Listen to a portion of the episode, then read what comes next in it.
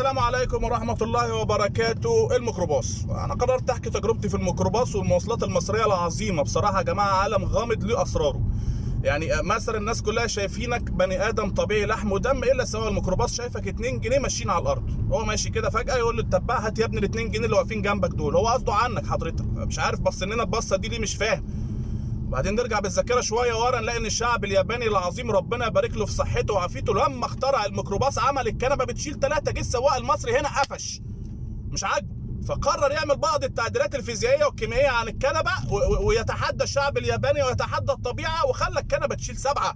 والله زي ما بقول لكم كده وهو ماشي ومضارب بعينه في المراية كباتن. الكنبة بتشيل سبعة ورا يا كابتن. ارمي في خدك على اللي جنبك. نط على حجر زميق نستحمل بعض شوية يا جماعة. وبيقنعنا بيقنعنا بننط على حجر بعض فعلا وبنوصل وبنبقى سعداء ومبسوطين. إزاي؟ مش عارف. بصراحة أنا ما أقدرش أجزم إيه هو حجم البني آدم اللي بفضله سواق الميكروباص. يعني لو أنت رفيع وسفروت كده هياخدك يحشيك في أي حتة في الميكروباص ويستفاد منك ويبقى مبسوط. لو أنت تخين وملزلز وبهاريز ومليطه وزروطة والدنيا بايظة معاك هيجيبك يقول لك هتحجز الكرسيين وتدفع ثمنهم وتتلقح جنبي. هو هنا ما بيدكش option ولا بيقترح عليك.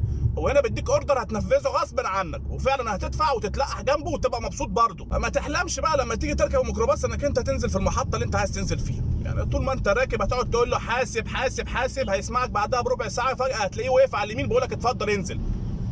حضرتك أنا محطتي فاتت من ربع ساعة همشي كل ده ليه؟ ما, ما, ما تحترم نفسك. فلازم نأمن نفسنا يا جماعة. يعني قبل ما توصل المحطة اللي انت عايز تنزل فيها تبتدي تقول له حاسب حاسب قبلها محطتين عشان يا دوب ينزلك بعدها بمحطة تمشيها. فلازم نأمن على الحتة دي مهمة قوي يا جماعة. وتلاقي واحد جنبك برضه عمال يقول له حاسب حاسب حاسب بقاله تلت ساعة الواد عمال ينبح في صوته لا صوته راح صوته راح. بعدها بربع ساعة يقوم باصص له كده وهو ماشي على 170 يقول له نازل.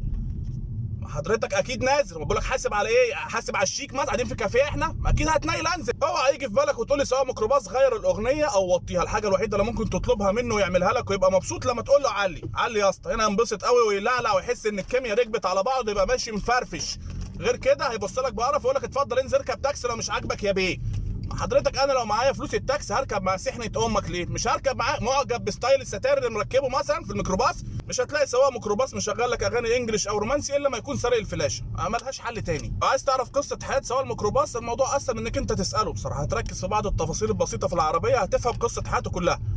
يعني مثلا هتلاقي كاتب ورا على العربية البرنس حمادة والأميرة ميادة والشقي محمود. هتبص جوه على التابلو هتلاقي صورة متعلقة الواد ماسك جيتار وساند على العمود ده البرنس حمادة ابنه بكر الكبير.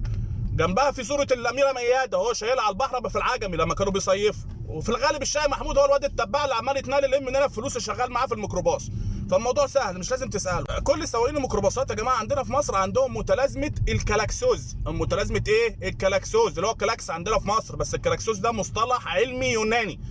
فهو عنده متلازمة الكلاكسوز لازم طول ما هو ماشي حاطط إيده على الكلاكس. بمعدل 70 زمارة في الدقيقة ما بيشيلهاش. الشارع زحمة بيكلكس الشارع فاضي بيكلكس برضه. اذ ربما الشارع يتملي في أي وقت فهو بيأمن نفسه.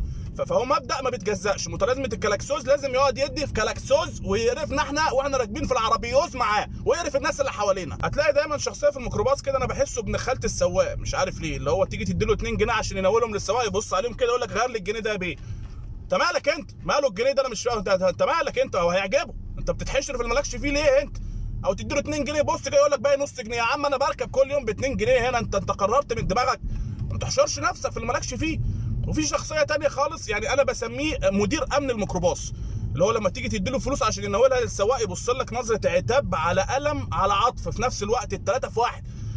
فما بقاش فاهم. حضرتك يعني أنا مضطر أدفع فناول السواق الفلوس عشان ما يقفش عليا. فبعد إذن حضرتك وبعد إذن مدير أمن الشيراتون اللي جواك نول السواق الفلوس مش ناقص قرف. خلينا نوصل.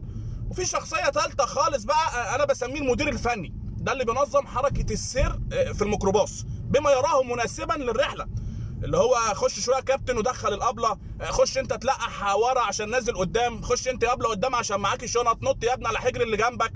فده دايما بينظم حركة السير ده ببقى نفسي أقول له عايز واحد زيك في حياتي ينظمها لي بصراحة. في بقى الحاج محمد الحاج محمد الحاج محمد الكبارة الكبير دايما هتلاقيه ماسك التليفون وعمال بيزعق. أول ما بتركب لحد ما بتنزل هو ماسك التليفون وصوته مسمع الشارع كله بيتخانق مع مراته. مراته عايزة فلوس الجمعية اللي داخلها مع مدام ابتسام مديرتها في الشغل عشان هترفدها. فدايما الحاج محمد مش طايق نفسه وعمال يزعق. هتلاقي بقى دايما اللي متلقح جنبك في الميكروباص ده أحلى شخصية بتعجبني بصراحة. يعني هو دايما يحسسك إن أنتوا عشرة سنين وأصحاب من كي جي 1 اللي هو يجي لك message مثلا يقوم رامي دماغه كلها في الموبايل وعايز يعرف مين وبعت لك إيه. ومش بعيد هو يشد الموبايل ويرد عليه. اديله فرصته ما تجرحوش ده.